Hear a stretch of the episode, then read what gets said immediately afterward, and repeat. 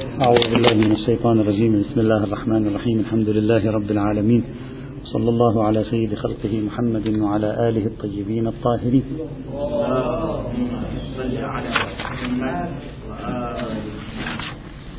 كان الكلام في النقطة الأخيرة المتعلقة بالمحور السابع والأخير من محاور الفقه القرآني في الأطعمة والأشربة وهي عبارة عن مفهوم الباغي والعادي في الآيات الأربع التي ورد فيها ذكر هذين العنوانين. قلنا بأن هذا المفهوم يمكن طرح ثلاث آه، أو ثلاثة احتمالات تفسيرية فيه. الاحتمال الأول ما ذهب إليه غير واحد من المفسرين ومنهم العلامة الطباطبائي رحمة الله تعالى عليه من أن المراد بالباغي أي الظالم من البغي أي الظلم والمراد بالعادي أي المتعدي للحد أي المعصية. فكل من سافر سفرا قاصدا به الظلم أو سافر سفرا مع سفر معصية فهذا لا يرخص له في أن يتناول ما اضطر إلى آه، إليه من الأطعمة والأشربة بل عليه أن يستسلم لما نزل به إلى أن يعني الله سبحانه وتعالى يحدث بعد ذلك أمرا. هذا كان التفسير الأول. التفسير الثاني وهو آه، ما أثاره وطرحه الشيخ مكارم الشيرازي آه، وموجود أيضا ونسب هذا التفسير الثاني. طبعا يعني ما أقصد من المتأخرين تبناه. يظهر الميل إليه من الشيخ مكارم الشيرازي وإلا هذا التفسير منسوب إلى الحسن وقتادة ومجاهد والربيع وابن زيد من قدماء المفسرين. وهذا التفسير الثاني أيضا نسبه الفخر الرازي إلى أبي حنيفة. التفسير الثاني أيضا نسبه الفخر الرازي إلى أبي حنيفة. حاصل التفسير الثاني. أن باغ من البغي البغي أي الطلب الرغبة في الشيء يبغى هذا الشيء أي يطلبه. والعادي بمعنى المعتدي أي متجاوز الحد. فيصبح معنى الآية هكذا. المضطر إلى أكل شيء يجوز له الأكل. لكن إذا أكل عليه عند الأكل أن لا يأكل طالبا الأكل راغبا فيه محبا له ملتذا به. هذا أولا. وعليه إذا أكل أن يأكل بمقدار الضرورة. يعني لا يتجاوز مقدار الضرورة. فلا يأكل ويفتح آه، مطعم ويأكل كما يشاء مثلا. هذا المعنى. ما الفرق الجوهري بين التفسير الأول والتفسير الثاني؟ في فرق مهم آه، جدا بين التفسير الأول والتفسير الثاني. في التفسير الأول غير باغ ولا عاد توصيف للمضطر. يعني المضطر غير الباغي وغير العادي يجوز له الأكل. بينما في التفسير الثاني غير الباغي وغير العادي توصيف للمضطر الآكل. يعني المضطر إذا أكل بوصفه آكلان عليه إذا أكل أن لا يأكل عن رغبة في الأكل ولا يتعدى مقدار الضرورة في الأكل. ففي فرق بينهما. هذا الفرق بينهما في كيفية إعادة غير باغ ولا عاد إلى كلمة المضطر. هذا الفرق ينتج فرقا فقهيا. على التفسير الأول في عندنا حالتين لا يجوز له الأكل حتى لو مات. بينما على التفسير الثاني لا يوجد عندنا حالة لا يجوز فيها الأكل. المضطر يجوز له الأكل مطلقا. غاية الأمر حال الأكل عنده وظيفة. أن لا يطلب الأكل بنحو اللذة وأن لا يتعدى مقدار الضرورة. فرق من حيث كيفية فهم الآية من جهة وفرق من حيث النتيجة الفقهية من جهة أخرى. وهذا الفرق خلفه فرق إلى جانبه فرق لغوي في كلمة الباغي فقط. كلمة العادي بمعناها اللغوي أخذها. فقط في كلمة الباغي. البغي بمعنى الظلم والبغي بمعنى الطلب والرغبة في الشيء وإرادة الشيء وما شابه ذلك. هذان تفسيران أساسيان في هذه الآية القرآنية وهذان التفسيران موجودان منذ قديم الأيام. على طول الخط كان هناك من ذهب إلى التفسير الأول وكان هناك من ذهب إلى التفسير الثاني. قد يقال أو قد نقول إن التفسير الثاني ليس واضحا من الناحية اللغوية والعرفية. ثقيل بعض الشيء من الناحية اللغوية ومن الناحية العرفية. لماذا؟ لأن كلمة غير باغ ولا عاد وقعت حالا من المضطر. أي المضطر حال كونه غير باغ ولا عاد يجوز له أن يأكل. هذا معناه. تركيب الجملة بحسب ظهورها اللفظي المضطر حال كون هذا المضطر غير باغ ولا عاد هذا يجوز له أن يأكل. إذا المضطر حال كون المضطر غير باغ ولا عاد يجوز له الأكل.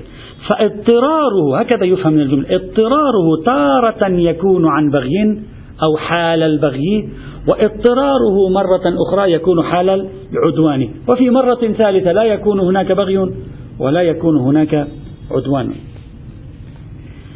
ولا يظهر من الآية هذا الذي ولا يظهر من الآية أنه يريد أن يجعل البغي ضمن حال الاضطرار. لماذا؟ سيصبح معنى الآية هكذا. لاحظوا مع الآية كأن فيها تقدير سيصبح. لو اضطر المضطر مطلقا جاز له الأكل.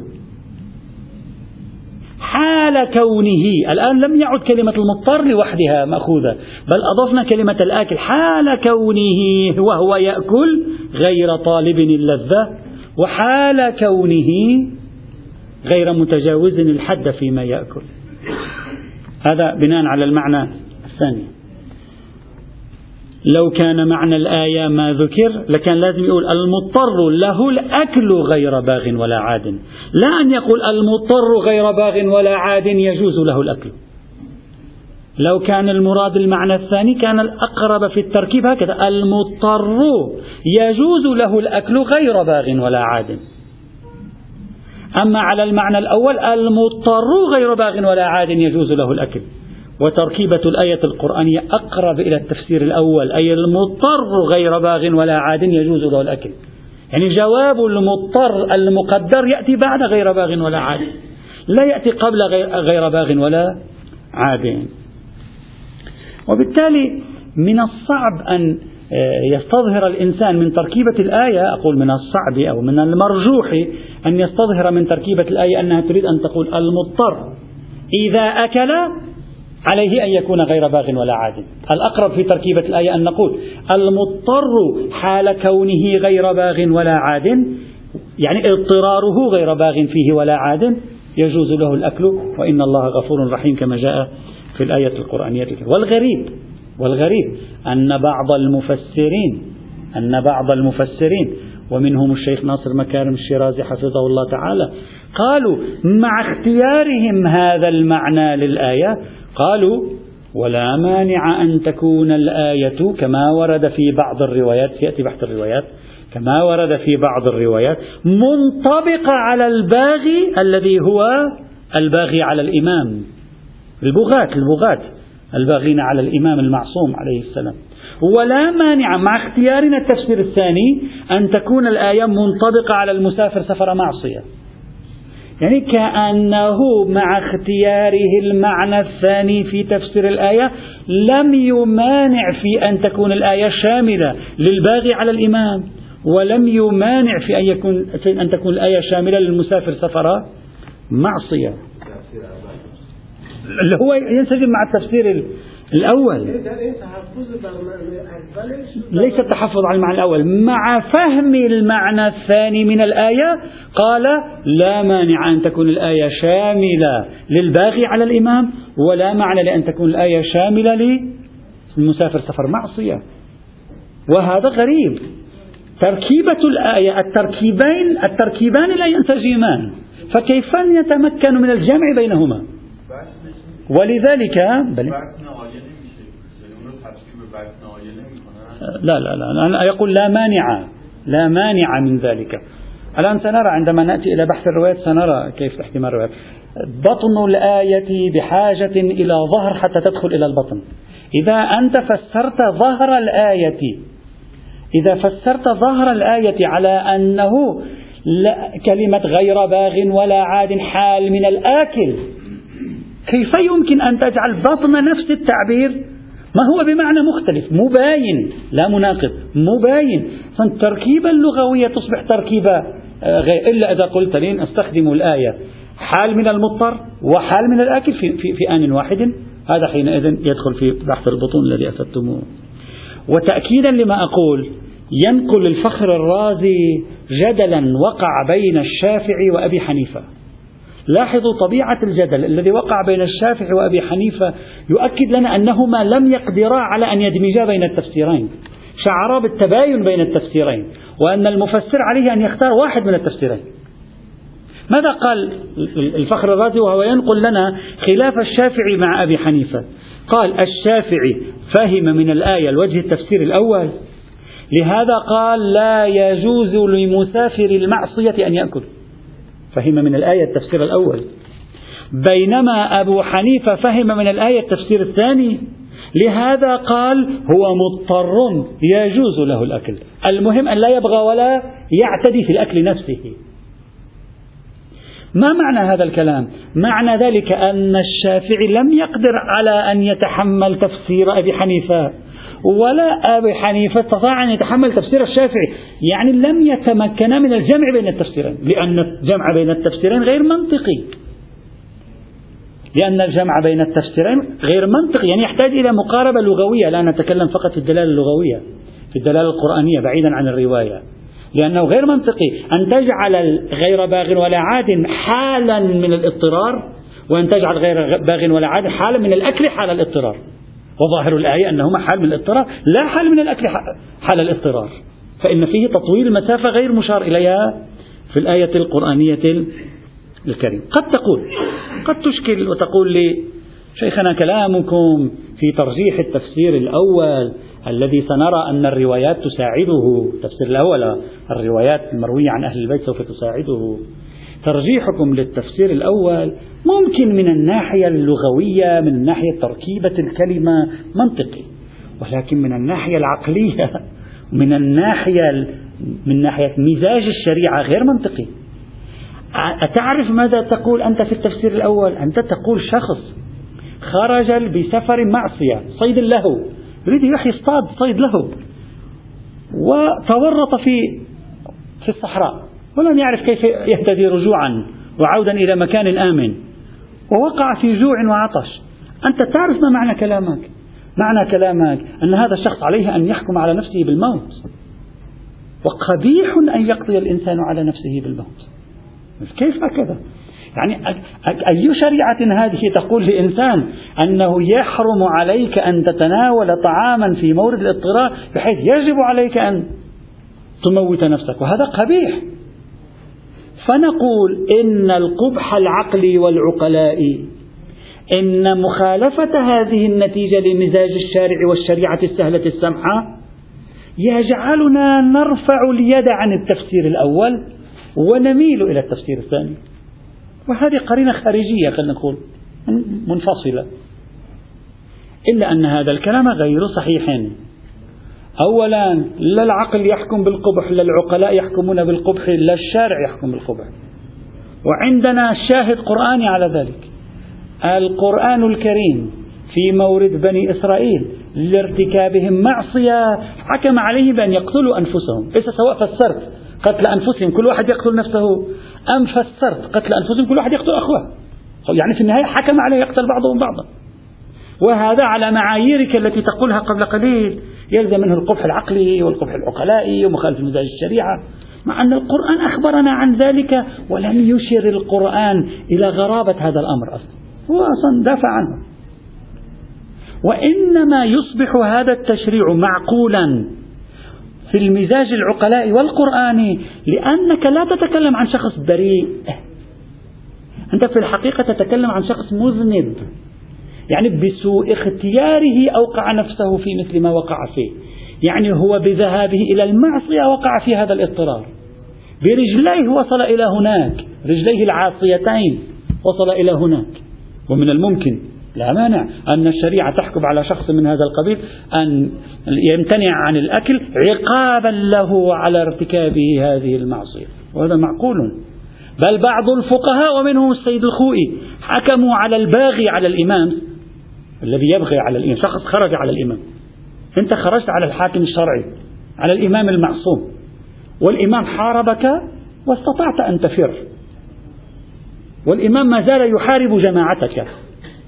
السيد الخوي ماذا يقول؟ يقول يجب عليك أيها الباغي أن تقتل نفسك. الإمام ما استطاع يوصل لك أنت تصل إلى نفسك. السيد الخوي يفتي بهذا. هلا هل ثمة دليل على ذلك أو لا؟ بحث آخر.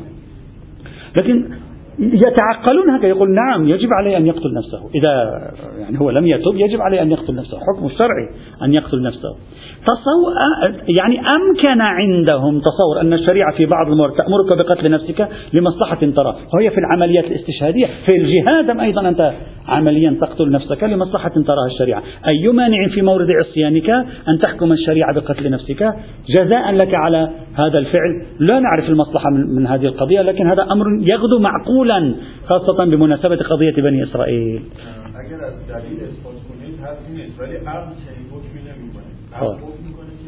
هر مجازاتی باید طبق همون گناه باشه. خب. خب. هذا الإشكال إذا دخلنا عليه لن تبقى ترى حلا لكل مشاكل المجازات عندنا. كثير من المجازات عندنا الإعدام رغم أنه لم يعتدي على الناس. هل إفقاده الحياة يتناسب؟ أصلا جزاء الله في الآخرة الخلود في النار.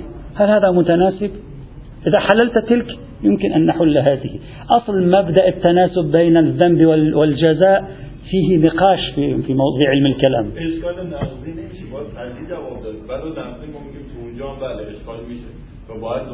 وأنا أسألك الآن. هذا هؤلاء الذين من بني إسرائيل. وهذا خلاص إحنا نتكلم نصيا الآن. إذا هذا الحكم صريح الآية القرآنية سواء كان بمعنى قتل أنفسهم أو قتل غيرهم. صريح الآية. نفس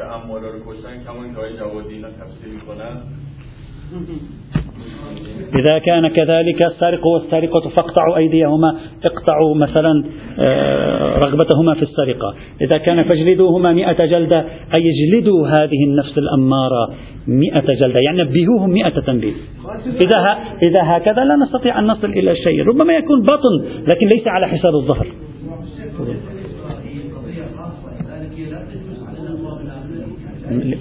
ما الذي جاء شوفوا شيخنا قضية بني إسرائيل لا تجوز على الأقوام الآخرين. لم يثبت أنها واردة في حقنا نعم. لكن ما دام معقول للمولى أن يشرع تشريعا من هذا القبيل فمعقول في مورد خاص هنا قام الدليل عليه أن يشرع تشريعا من هذا. إذا كان عندك قاعدة عقلية لا, لا يمكن أن تخصص لا في بني إسرائيل ولا في بني المسلمين. القواعد العقلية لا تخصص شيخنا. إذا في قاعدة عقلية لا تخص أين أي قاعدة عقلية؟ الموت والحياة أيضا مصالح. الموت والحياة أن تجعل نفسك حيا أو ميتا أيضا مبني على نظرية المصالح. الجهاد. هذا لعل هناك فائدة من وراء هذا الشخص. عقوبة له. الله سبحانه وتعالى قال له أنت عليك أن تموت. عقوبة له. ما دام في موضوع سوء الاختيار في مفهوم العقوبة كل شيء محتمل. بعكس ذلك النقد المتني الذي قلناه بالأمس ذاك كان بريء. أن تحكم عليه. نعم هذا مخالف للمزاج القرآني. أما ليس مخالفا للمزاج القرآني مذنب ويحكم عليه بأن يقضي هو على نفسه. هذا أيضا موجود طبعا بعض الفقهاء يلزمون الذي أذنب أن يسلم نفسه آه، يعني لكي يتم إجراء الحد عليه. بعضهم يرى ذلك. آه. حتى عقلا لا يوجد قبح. إذا كان المقنن يرى مصلحة أنا لا أعرف ما هي المصلحة في, في إنشاء الشريعة حكما من هذا القبيل لا أعرف كما لا أعرف في كثير من الموارد. لا أستطيع لأن هذا النوع من المصالح لا ينكشف لي. أنا أتكلم عني شخصيا. لا أعرف مصلحة في في الحكم على شخص في هذه الحال أن يقضي على نفسه. لا أعرف مصلحة. لكن إذا كان النص دالا لا, أستطيع أن أرفع اليد عن دلالة النص لمجرد أن هذا أمر غريب في حياتنا. عندي شاهد قرآني. عندي شاهد قرآني. الله حكم على بني إسرائيل بشيء من هذا القبيل. أنا أريد أن أقول لا يوجد عقل عملي هنا. العقل العملي لا يقول بقبح أن يقتل الإنسان نفسه إذا كان قتله لنفسه عقوبة على فعل. ما في. أما نعم يقتل الإنسان نفسه لا لشيء؟ نعم. ممكن. وإن كان اليوم الانتحار جماعة فلسفة الأخلاق هم أول الكلام. ما عندي حكم عقلي في ذلك. المستشكل هنا أو ليس المستشكل الإشكال الذي نحن طرحناه هنا تنبيه على أن ممكن العقل لا يألف هذه القضية. فنريده أن يأخذ نماذج من الشرع على ألفة على أن هذه القضية مألوفة. لا الشرع هذا النوع من القضايا مألوف عنده. الشرع القرآني يعني الثابت بالأدلة القرآنية لا أنه دليل ظني يمكن أن تناقشني في نقد متني مثلا يمكن أن يكون موجها عليه. وعليه لا أستطيع أن, أن, أن أرجح الاحتمال الثاني على الاحتمال الأول الذي يفهم من ظهور الآية آه، أنه هو الراجح بمثل هذه المداخلات النقدية. طبعا أنا حتى الآن لا أرجح الاحتمال الأول. أن نقول بين الأول والثاني حتى الآن الأول هو الراجح. بين الأول والثاني الأول هو الراجح. الثاني بعيد عن تركيبة الكلمة. فمن اضطر فأراد أن يأكل فلا يأكل غير وهو باغ للأكل. يعني استظهارها يكاد يكون صعبا. التفسير الثالث وهو الذي نرجحه بوصفه القدر المتيقن قرآنيا من دلالة الآية. أن يكون معنى العادي والباغي ليس سوى بدل وتفسير لكلمة المضطر. وهذا هو التفسير الذي خطر في بالي وظننت أنني اكتشفت البارود كما يقال ورأيت أنني التفت إلى شيء لم يلتفت إليه. وبعد فترة أشهر رأيت أن المحقق النجفي قد التفت إلى هذه إلى هذا الاحتمال وطرحه أيضا في كتاب الجواهر. ما معنى البدل والتفسير؟ يعني الآية بكل بساطة لا تريد أن تقول شيء. تريد أن تقول فمن اضطر من هو المضطر؟ تشرح لنا المضطر. هو الشخص غير الظالم؟ يعني ما معنى غير ظالم يعني ليس ذلك الذي يريد أن يأكل ظلما وعدوانا وإنما يأكل عن قهر واضطرار. عندنا حالتين حالة شخص مضطر وحالة شخص غير مضطر. حالة الشخص المضطر ما هي؟ شخص يأكل لا عن ظلم وعدوان. وإنما عن قهر مقهور على ذلك. أما الذي يأكل غير مضطر فهذا كيف يأكل؟ هذا هو الذي يرتكب معصية بالأكل. الشخص الذي يرتكب أكل المحرمات من الأطعمة بدون اضطرار هذا ماذا تقول عنه؟ تقول هذا شخص معتد على شرع الله هذا شخص ظالم لنفسه هذا شخص معتد على حدود الله سبحانه وتعالى. فالآية هكذا تريد أن تقول. الإنسان المضطر. افتح جملة معترضة. وهو ذلك الشخص الذي يقدم على أكل محرمات الأطعمة. ليس ظالما ولا معتديا. ليس خارقا لحدود الله ولا عاصيا. وإنما مقهورا مجبورا على ذلك. سكر الجملة المعترضة. لا, لا إشكال في أكله. فتكون هذه التركيبة ليست سوى توضيح لحيثية العذر للمضطر.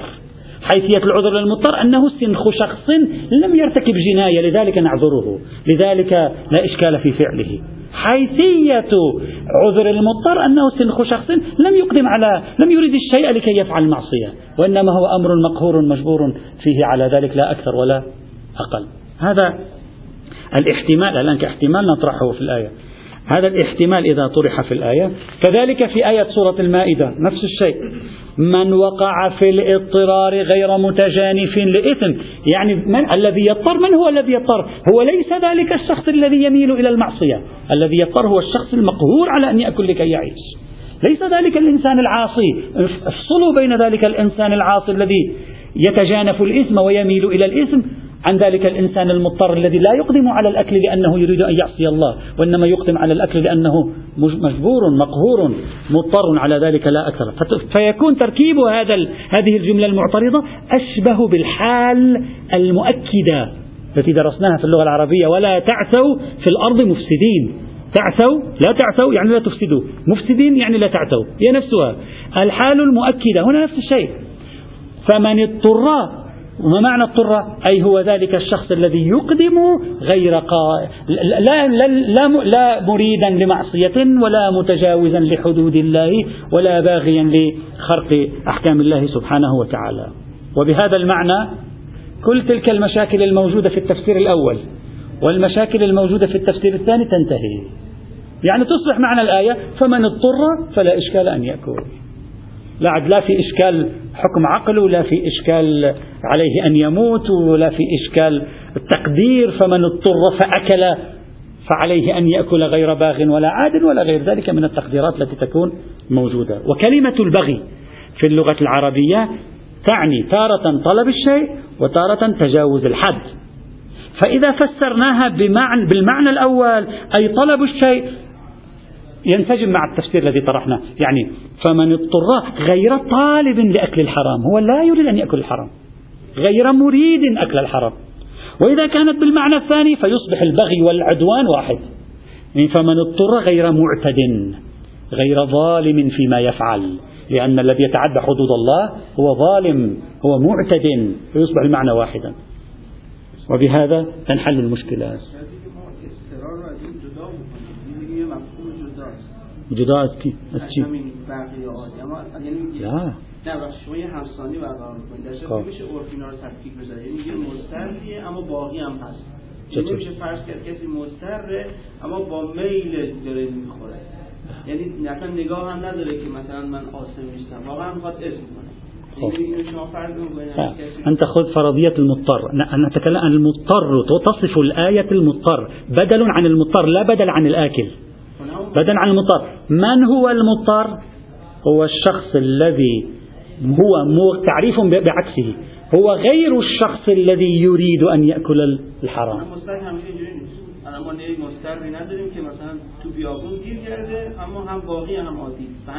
که با اینکه تو بیابون گیر کرده ولی این میته رو میخوره چون دوست داره میته بخوره و لذت لا ليس اللذة. ليس الذي يريد المعصية البغي هنا طلب المعصية طلب فعل ما حرم الله. هذا فرضية ولا وجود لها أين يعني واحد. هو مضطر يريد أن يعصي الله وهو مضطر. المضطر بحكم العادة يأكل ليرفع اضطراره. نتكلم عن حكم العادة. يأتي ليرفع اضطراره. يأكل لكي تنحل المشكلة عنده. لا أكثر. هذا حال المضطر. تعريف المضطر هو الشخص الذي أجبر فرضت الظروف عليه أن يأكل. لا الشخص الذي من طيب نفسه من, من, من, من حق إرادته أراد أن يأكل. هذا حال هذا التعريف العرفي للمضطر وانت أنا لو لو سألتك عكس المضطر من هو؟ صف لي الشخص الذي هو عكس المضطر، هو الشخص الذي يقدم على هذا الفعل مريدا له عاصيا معتديا. بدون أن يكون هنا شيء هناك شيء ألجأه إلى ذلك، أما المضطر هو الشخص الذي الجا إلى ذلك، قهر على ذلك، فرضت الظروف عليه ذلك، وما شابه ذلك. فانا أعتقد فرض نادر هذا. فرضية أن شخص يريد أن يعصي وهو مضطر لا أدري. تحليلية جدا.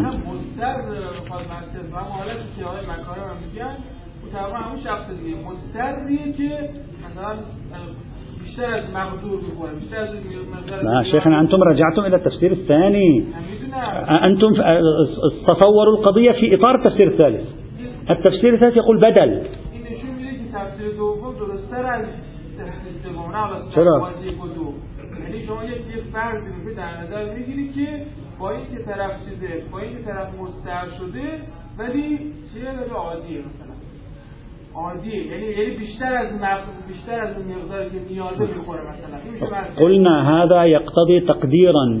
المضطر الآكل عندما يأكل غير باغ ولا عاد خلاف الظاهر.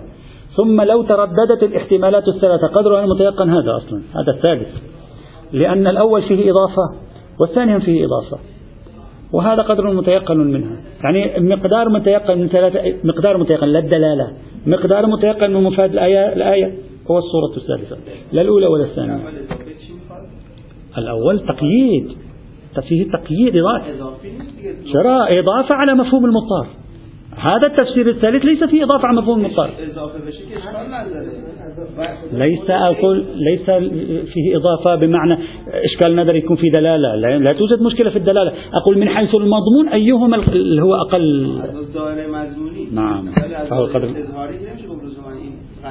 لا ليس قدر متيقن في, في, في, في الاستظهار. من حيث المفاد في هذه الآية من بين الاحتمالات الثلاثة الاحتمال الثالث يكون حينئذ. وبناء عليه لا ليس واضحا لا الاحتمال الأول ولا الاحتمال الثاني ما دام الاحتمال الثالث محتملا معتدا به.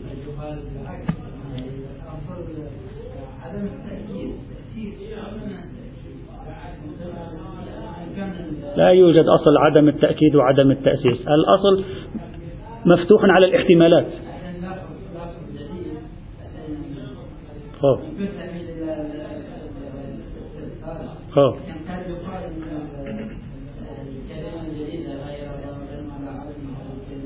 يعني زيادة المباني تدل على زيادة المعاني زيادة لا هو كلها لا لا يوجد أصل. نحن لا نقول في احتمالات في المقام. هذا واحد من الاحتمالات. تقول المضطر اللي هو غير باغي ولا عادي. فمن اضطر غير باغ يعني لا أدري سأعطي أمثلة عرفية. مثلا تقول له تقول لشخص إذا اضطررت إلى الذهاب إلى ذلك المكان لست محبا لذلك هو لست محبا يعني اضطررت. لا يوجد شيء آخر. والهدف من وراء هذا التوضيح بيان نكتة المعذورية. الهدف من هذا التوضيح التأكيدي فكرة إضافية بيان نكتة المعذورية. لا أكثر ولا أقل. فمع تردد الاحتمالات الثلاثة نأخذ بالاحتمال الثالث.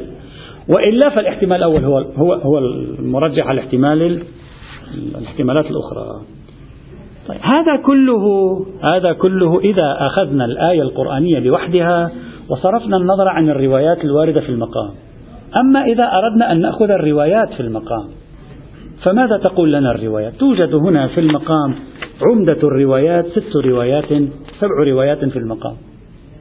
نسردها ثم نرى ماذا تعطي هذه الروايات. الرواية الأولى مرسل محمد بن أبي نصر البزنطي.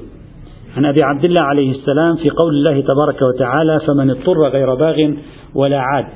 قال الباغي الذي يخرج على الإمام والعادي الذي يقطع الطريق لا تحل له الميتة. واضح أنه آه، هذا هذا ينتصر لمن؟ للتفسير الأول. الباغي من البغي الظلم ولكنه يحصره في الباغي على الإمام.